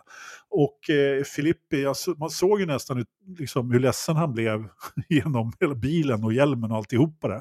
För han, han bara sjönk ihop liksom, kändes det som. Han kunde inte sätta emot där sen de varvtiderna. Men sen tog det ju två, tre varv så var det ju gul flagg igen då. De som... En rejäl eh, krasch. GT-bil som åkte av. Ja, ja. Så de Så sista... var det klart. Ja men precis, och då fick man ju inte då. Det var, det var ju kamp om segern då i GT mellan en Lexus och en Porsche bland annat då. Som Ja. hade kunnat vara kul att se avslutningen. Det var nog avgjort där i prototypklassen. Ändå, där, där han hade nog inte kunnat komma tillbaka. Men efter målgång då så, ja, den här Penske Porsche då, de blev diskade. Jajamensan. Så han fick sin seger i alla fall, Filippi, och tillsammans med Nick. Och varför Penske blev diskad, det var för att eh, träplattan under bilen var lite för nött. De har helt enkelt gått lite, lite för lågt. Mm. Vad säger du Ridderstolpe? Det var väl ett spännande lopp. Fantastiskt. Eh, jag, jag är mest imponerad över att de faktiskt måste kicka iväg ett lopp eh, när det står bilar mitt på banan. Ja, det var helt sjukt. står, för att det står så i regelboken. Alltså lite, lite känsla tycker man då. Det var ett annat tillfälle också som de inte gulflaggade. Jag kommer inte ihåg exakt vilket det var nu. När det, när, när det stod en bil i eh, start och målkurvan. Eh, så det bara Mm. rast, som, som dessutom rullade ut ner på banan som inte hade någon styrsel. Liksom. man måste, överhuvudtaget. Man måste, man måste bara så här, lägga ner regelboken ibland och börja vifta. För Ja. att det, är det farligt, är det farligt och då är det skitsamma. Ja, men... Ja. Men, ja, eh, men jag är ju inte flaggviftare på, på någon del av min tid överhuvudtaget. Så vad vet jag? Vad vet du? Mycket kan du veta. Ja, ja precis. Ja, ja, Vi hade faktiskt ett inslag av svenskt i, i det här Imsaloppet och det var Tom Blomqvist som kör mm. eh, Mayer Shanks. Eh, 60 har väl de med den. Där Acura. Ja, precis. Samma som, nummer som i, som i Indycar. Faktiskt. Det är en ganska Då, fin bil tycker jag. Jättefin. jättefin. Eh, håller med. Jag höll ju på femman där med, jag gillar ju Mike Rockefeller. Jag tycker han är en superförare. Jag har alltid gillat honom av någon anledning. Eh, vi hade ju faktiskt en annan svensk anmäld också. Jag vet inte riktigt om han körde, jag har inte hittat honom i listan här. Eh, Rasmus Lind där skulle köra 85an va? Mm. Han står faktiskt här i resultatlistan då i LM, LMP2. Var står han då? Mm. Det var eh, faktiskt mer än jag hade mm. hunnit att kolla upp faktiskt. Men, jo, eh, men, men jag, jag... De, det gladde jo. väl ingen så, de kom eh, nia i LMP2 då. Så att, ja. Nej, det gick ingen Då får det väl vara. Ja, får det väl vara. Eh, grus, Patrik. Färs, färs. Färs, färs, färs, färs, förlåt. Noggrann. Det är en jättefin kornig sandtyp i Kenya som de kör över eh, VM-bilarna i Safari-rallyt. Precis. Eh, jättemycket dramatik. Jag gillar den tävlingen. Det är ju hårt, det är tufft. Trots att de kör i en nationalpark nu för tiden så det är fortfarande ett tufft, grisigt rally för bilarna. Mm. Och det var torrt och det var regn och det var eh, damm överallt och de eh, körde sönder hjulupphängningar och ditt och datte. Eh, men till slut så sista dagen så var det en sekundstrid mellan Ogier och Rovanperä. Det var ju bara frågan vem som skulle ta det och det var Ogier som knep det till slut före Rovanperä med 6,7 sekunder. Och inför näst sista sträcka fick alla Toyota-bilarna, de kom ju etta, tvåa, trea, fyra Toyota. Det är en bedrift i sig faktiskt. Det får man ändå säga. Men de fick överhettning på näst sista sträckan så ingen kunde stå kvar i mediazonen. Det var bara liksom iväg, iväg, måste kyla. Oh, Jag vet inte om ni såg förmiddagen på söndag, men Ogier åker ju glida lite i en högersväng, träffa en liten gren och så tappade han hela bakluckan. Så han fick köra tre sträckor utan baklucka och var så jävla skitig man kan vara. han var jättedammig. Men eh, det, det hindrade honom inte. Det var bara lite mer ställ i svängarna som han själv sa. Ja, ja, härligt, härligt. Hyundai jo. gjorde en jättedålig insats. Nuvils upphängning gick sönder på fredagen. Lappi körde sönder kardanstången tre gånger på tre dagar. Så det, nej, det var ingen bra helg för dem. Och på råge på allt så lyckas ju Nuville och utesluta sig själv ur tävlingen också. Ja, men vad... läsa på måndag morgon. Hur, alltså vad hände där? Men han hade skickat ut en teamrepresentant för att kolla vissa typer av, eller vissa svängar på sträckan. Eh, göra en, en ny rekognosering helt enkelt. Hur ligger den stenen i den svängen? Han vill göra en notändring och det får du inte göra. Du har tisdagen och onsdagen, eller i det här fallet var det måndag, tisdag de reka. På... Borde inte en sån eh, erfaren förare ha koll på det?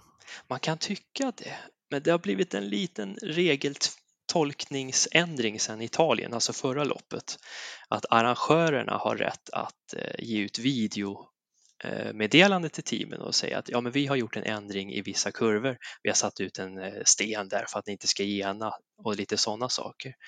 Och då hade väl eh, Nuville tyckt att ja, men om jag kan få en video då kan jag skicka ut en människa istället som kan kolla det åt mig istället. Men det var ja, inte tillåtet. Det var inte tillåtet. Mm. Så det tyckte tävlingsledningen var fel och uteslöt honom. Alla hans nio poäng han lyckas skramla ihop. Oh, vilket gör då att eh, Roman Per egentligen rycker i eh, VM-ledningen. Jättemycket. Mm. Han är ju rallyts Verstappen så ja. ja, det är väl bara att vänta till nästa år höll jag på att säga. Men han, i år har det varit lite jämnare, det har det varit. Nu börjar Rovanperä få lite fäste om den där serien, men det är fortfarande jämnt. Där. Mm. Ja, härligt. Det var väl min Kenya-rapport. Ja. Nästa tävling är Estland om ja. eh, det, tre veckor till dem. Tror jag tre veckor i Estland. Härligt, härligt. Jag kan bara ge en kort rapport då för att gå över till asfalt igen. Det har faktiskt kört Formel E i helgen.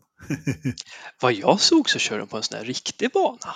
Det var ju där, annars hade jag inte ens, inte ens tagit upp det. De körde, de körde på, Portland. På Portland ja. De körde på Portland, den, i, i princip den sträckningen liksom, som Eh, så, så äh, det var, och det var egentligen, det var ju, loppet gick 2.30 tror jag på, lö, på lördagnatten där, så jag tänkte, äh, men jag måste banne mig se det här. Eh, och det du var, var uppe 14, 02.30. Lördag till söndag. Ja. Ja, jag, återigen som vi började sändningen, fru Löfström, I adore you. inte illa. Inte ja, men lite så. Nej, men eh, jag tänkte, det här måste jag ju, det här, jag måste ju se det här. Liksom. Det, det, just för att de kör, jag, som vanligt så typ samma dag så ser man till tävling och så vidare. Men det var faktiskt, ja, men det var lite kul att se. Jag, jag, vet, jag ska inte säga om det, att säga att det var bra, men när man kör på en vanlig bana, om man, om man känner till Formel E så är det så här att de kör full gas en stund och sen så liksom vad heter det, när de liksom regenererar energi och släpper och coastar ganska mycket. För att det här är ju en energispartävling, så enkelt är det bara. Det är inte den som kör fortast. Det är lite som att se på cykling antar jag. Ja, fast ja. ja den som ligger det. längst fram får, får inga fördelar. Nej, precis. Fram, lite så. Och på en sån här stads, precis, ja men lite så. Men på en sån här stadsbana så händer ju alltid saker där bak och liksom, du kan alltid dra ifrån ändå liksom, på, på något sätt. Men här, här var det liksom fyra i bredd in i första kurvan. Tio varv i rad. Och, som jag, och, och då var det inte bara liksom om, om ledaren, utan det var ju likadant längre bak i fältet. Så det var ju helt sjuka liksom, scener på, på start och målrakan in i första böj. Och Eh, normalt sett så har ju startpositionen ganska stor betydelse på de här smala stadsbanorna här. Jag menar, det var ju Mitch Evans start, jag vet inte, han startade liksom i Seattle någonstans. Ja, 20. Ja men precis, så, han som le, leder eh, mästerskapet då. Men han var ju, liksom, det tog ju ett gäng varv så var han uppe på liksom, två eller något sånt där. Liksom. Det var helt sjukt verkligen att se. Så att det var eh, händelserikt får man ändå säga och ändå lite eh, uppfriskande att se att bilarna såg ut att gå hyfsat fort faktiskt på den här banan och det var bra med fart. Ja, men liksom, full sprätta där på rakan. Så jag, det såg faktiskt ut att gå hyfsat fort, eh, vilket ju annars kan vara problemet med Formel E. Sådär, kan jag tycka. Men det här är ju lite kul om de nu kan köra på en riktig bana. Varför skulle de inte kunna vara i Sverige och köra Mantorp eller Falkenberg? Ja, absolut, definitivt. Det hade varit lite läckert faktiskt. Ja, jag håller med. Jag håller med, helt klart. Nej, men för det här har vi ju pratat om många gånger. Det är trots allt en bra förare. Jag, jag skulle ju väldigt gärna se att man inte behövde liksom spara så mycket energi och ha lite mer tryck. Så att de fick trycka på lite mer. Sådär. Men, mm. Mm. Läste du att Penske hade också fuskat där? Jajamän. Jag gillar Penske. Jag gillar Penske. Berätta. Men om jag har förstått det rätt så satte han någon form av skanner längst fram på nosen på bilarna för att spela in i realtid vad konkurrenterna kör med för däck på vilken tid på dygnet så att säga. Snabbare sätt att bara samla in data om jag förstod det rätt. Ja. Istället för att använda en fotograf som de betalar vanligtvis så körde de en skanner istället och det tyckte tävlingsledningen inte om. Nej, men Då de fick de starta från depån. Just det, precis. Det var och jag bara menar, under träningen. Ja men precis. Och, och, ja, ja, men precis. Som de skannade ja. Men precis. de var ju ändå i fältet väldigt, väldigt snabbt. Sen var det två gulflaggor så att alltså det, var det någon gång man skulle starta från depån så var det här kan jag säga. Ja. Helt ja, det, klart. Det är kul med Penske. Han, han har nya grejer hela tiden. ja men verkligen, verkligen. Var det någon som blev diskad i Nascar?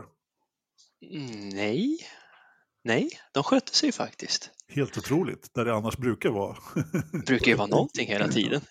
Men, eh, sig, det, då är det inget riktigt Nascar-race om de sköter sig. De ska peta runt varandra. Det är Nascar. Jo, men de, de hade en liten sån omstart där Keselowski spann på hjulen i Stage 2 var det väl och skickade Blaney rätt upp i muren och han hittade en mur som hittade en safer barrier. Så det gjorde som, till som inte ens fanns. Nej, det gjorde lite ont till och med att se. Ja, snygg, ja. snygg Ford-reklam. Eh, vad stod det på sargen? Det stod Ford Build Tough och så kom han själv i Forden och visade att den kanske inte var så tuff. Ja, Bra produktplacering. Mm. Nej, men loppet i sig var ganska trevligt. Det var ju första loppet sedan deras lilla semesteruppehåll på en vecka. Nu ska de köra varje vecka fram till november. Sådär ja, sådär ja. Så nu vet ni vad jag ska säga varje måndag. Ja, ja men precis. precis. Ja, eh, och, och, det var väl ha, Mr Ytterrökare som vann, eller? Ja, Watermelon Man, Ross Chastain.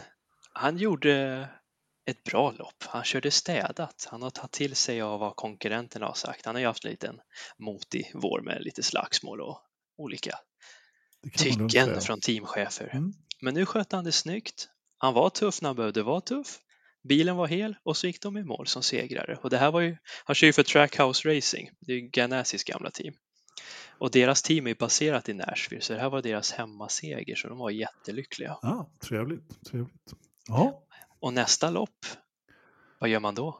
Ja, åker man till Chicago? Ja, man tar flyget till Chicago. Då ska vi köra stadsbana. Ja, härligt. Första härligt. gången i Nascars historia. Jag tänkte vi säga, det här måste ju vara en eh, rätt stor nyhet.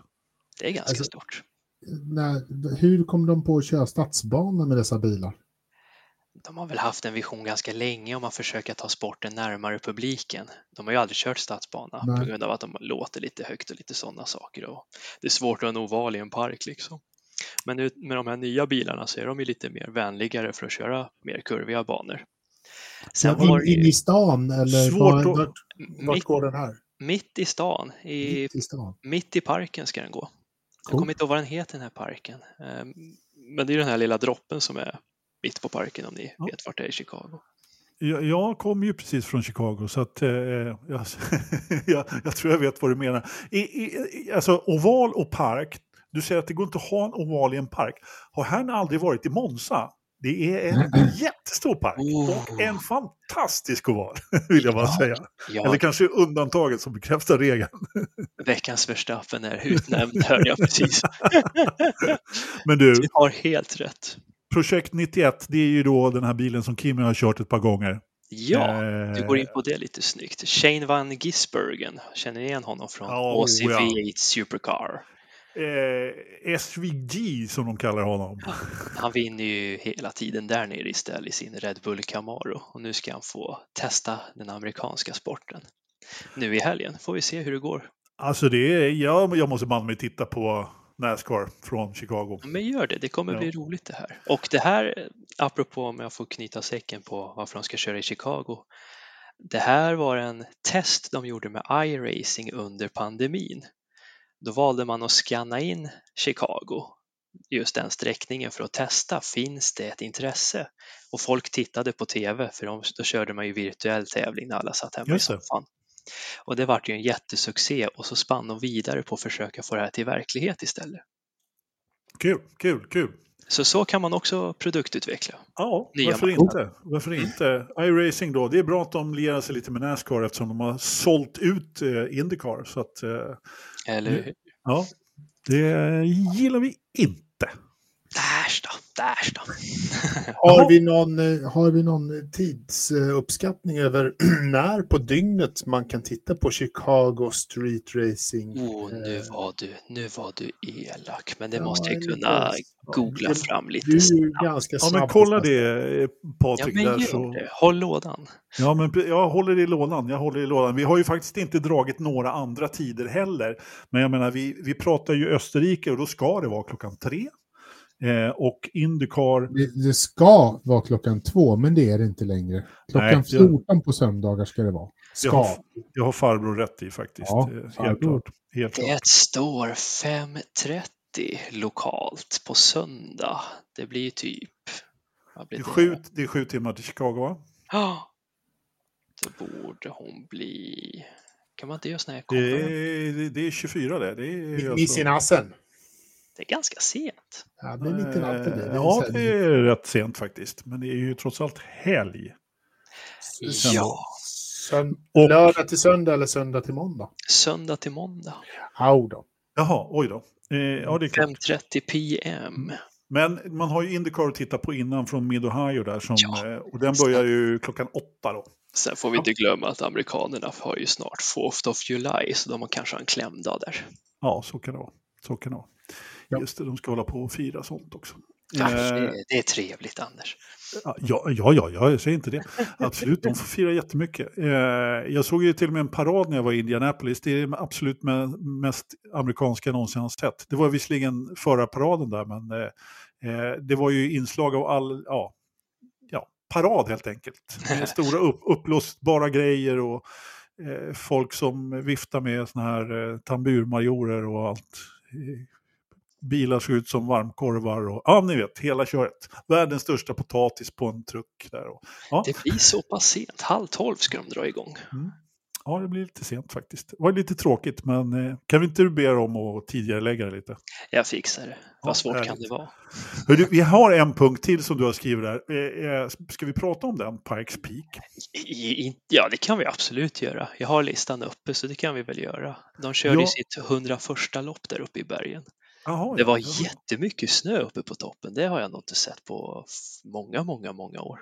Det var länge sedan jag tittade på Pikes Peak faktiskt. Men jag ska bara erkänna. Ja, Men jag brukar kolla när det brukar vara lite coola bilar, typ när Ja. Lööf var där med sin Peugeot och eh, vad heter han? också. Romain Dumas med ID 5 eller vad han nu hette, Volkswagen. Just det, just det. Framförallt när Per Eklund var där med Ja. Saaben. Mäktigt! Det var tider det.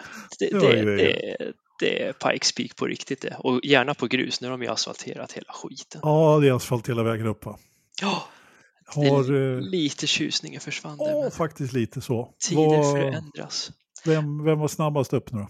Robin Shoot i Unlimited-klassen, det ser ut som en formelbil. Okej. Gick jättesnabbt. 8.40 körde han på. 8 minuter och 40 sekunder. Tvåan var Romain Dumas, 7 sekunder långsammare i Pikes Peak Open-klassen. Då. Han körde en jättestor Ford Transit Electric Vehicle Van, Red Bull. Okej. Det såg eh, makaber ut. Låt som en ambulans när han kom upp för bergen där. De måste ha en siren, elbilarna, så att de hörs när de kommer. Okej. Ja, okej. Ja, och han som blev trea, det tyckte jag var lite roligt. Ra? Rafael Astier tror jag han heter. Han körde en eh, alpin, råtrimmad ut i helvete, A110. Ja, Ja, 110 dessutom. Då, det, alltså, det har, alltså, alpin säljs ju inte i USA. Det var Eh. en lättare marknadsföring. Precis, och nu när de har köpt eh, en, en kvart nästan där i alpin dessutom så ja, nu, är, nu är det på gång. Så det. Nu är det på gång. Och den, den eh, finns Youtube på den här bilen. Låter som en bil, ser ut som en bil, den är läcker. Ja, Jag, jag har ju en sjukt stor soft spot för alpin. Eh, Och den är inte rosa som F1-bilen utan den är Nej. blå bara. Ja, men det är ju deras färg. Liksom, så. Jag, Ja. jag gillar ju även de gamla alpin 310. Nej, de är fina överhuvudtaget. Hörni, vi behöver gå vidare. Eh, eh, Ridderstolpe, ha, vill du säga något mer, Patrik? Nej, nu var jag väl klar. Ja, Jag tror i alla fall. ja, härligt, härligt. Njut av veckans spektakel så syns vi på måndag, höll jag på att säga. inte riktigt än, inte riktigt än. Vi måste ha en förstappen också, Ridderstolpe. Har du en eller? Jag har en, en Verstappen som jag är lite trött på. Eh, lite sådär. Och jag är lite trött på att höra Fernando Alonso höja sin teamkamrat i skyarna oavsett vem det är. Nu är han teamkamrat med en medioker förare som är förmodligen världens bästa. Ja, Jag är jättetrött på att lyssna på, på Fernando Alonso som höjer sin teamkamrat i skyarna hela tiden om och om igen. Det är jävligt tråkigt. håller med. Håller med. Ja, där fick Fernando Alonso en Ja. eh, förstappen. Det var ju lite oväntat. Patrik, har du någon bra? Nej, eller jo, jag har, jag har ett par kandidater, men jag tycker nog den kan gå till Neuville. Lite Ja. klantigt gjort och inte veta bättre egentligen vad det står i regelboken. Håller med. Inte Håller om man med. vill vinna VM, då var det klantigt gjort. Precis, exakt. Viktiga poäng som försvinner. Min eh, egen förstapp, förstappen går naturligtvis till Augusto Farfus. Som snurrar i första kurvan på ett endurance-lopp och kör sönder bilen så pass att det inte går att fortsätta. Man ska åka i sex timmar på Watkins Glen. En fantastisk bana. Eh, egentligen så borde ju den som har satt honom i den där bilen eh, få en förstappen också egentligen för att, ja. Om vi säger så här, Farfus är inte riktigt min favoritförare från början heller. Va? Va? Du är emot alla brasilianer. Nej, absolut inte. Men han, nej, men jag tycker inte han, han har alltid varit en sån här som har bufflat sig fram tycker jag. Inte Mm, riktigt Även i kört. touringkaren. Jag vet vad du menar. Ja, så... Det är inte rent på något sätt. Nej, verkligen inte. Liksom. Nej, jag gillar inte det där. Liksom. Eh, den typen av körning. Det, det, man, måste, man måste faktiskt vara... Men det straffar Watkins Glen snabbt. Det är att de gjorde första kurvan. Så var det med det. Eh, hörni, det är väder. Det är, nu ska vi se, nu ska vi se. Det är eh, 18,7, det är ändå rätt okej okay ute. Nu ska vi se. Det, det är inget snödjup och det är inte en kotte vid fågelbordet. Och inga nya skyltar. Alltså det är inget kul att titta på de här bilderna på sommaren. Det är på vintern som det händer lite här. Ja. Nu finns det ju bär i skogen så alla djur är något helt annanstans. Och solen ja. skiner fortfarande. Fast klockan är sent på kvällen. Ja, du ser inte det... Engelmark där med en skylt nu? ja, man skulle nästan kunna tro att han hade, han skulle definitivt ha hunnit upp det. Hans... Jag menar det. Nej, det måste ha hänt, han måste ha fastnat rejält som sagt. Eh, relativt fuktighet och min kamera håller på att ramla ner dessutom. Eh, sådär ja. Eh, relativt fuktighet inne 42, relativ fuktighet ute 63. Det är ändå rätt fuktigt oh. får man ändå säga. Ja. Eh, Patrik, hur varmt är det i datorförrådet? 21,9. Ja. Nej, har det sjunkit? 18,7. Nej, Patrik var mycket närmare. Får Nej, säga. vad är det här? Nej, men det har pipit iväg. Det får inte hålla på att vara över 20 hela tiden. 23,2. Alltså, Åh, oh, så nära. Det är fasligt det här. Alltså jag ligger en till två grader fel hela tiden. Det är inte ja. rättvist. Nej, du får liksom skärpa dig lite. Så är det. Vi får göra det. Mm, nej, hörni, bli Patreons, eh, prenumerera på våra kanaler. Eh, tack för att ni lyssnar och tittar. Eh, trevligt att ha er med. Tack Ridderstolpe. Tackar. Tack Patrik för att, ni var med, för att du var med. Så hörs vi nästa vecka, för nu ska jag gå upp och äta tårta faktiskt. Ja, det gör du rätt i. Hälsa frun. Det ska jag. Ha det bra. Hej då.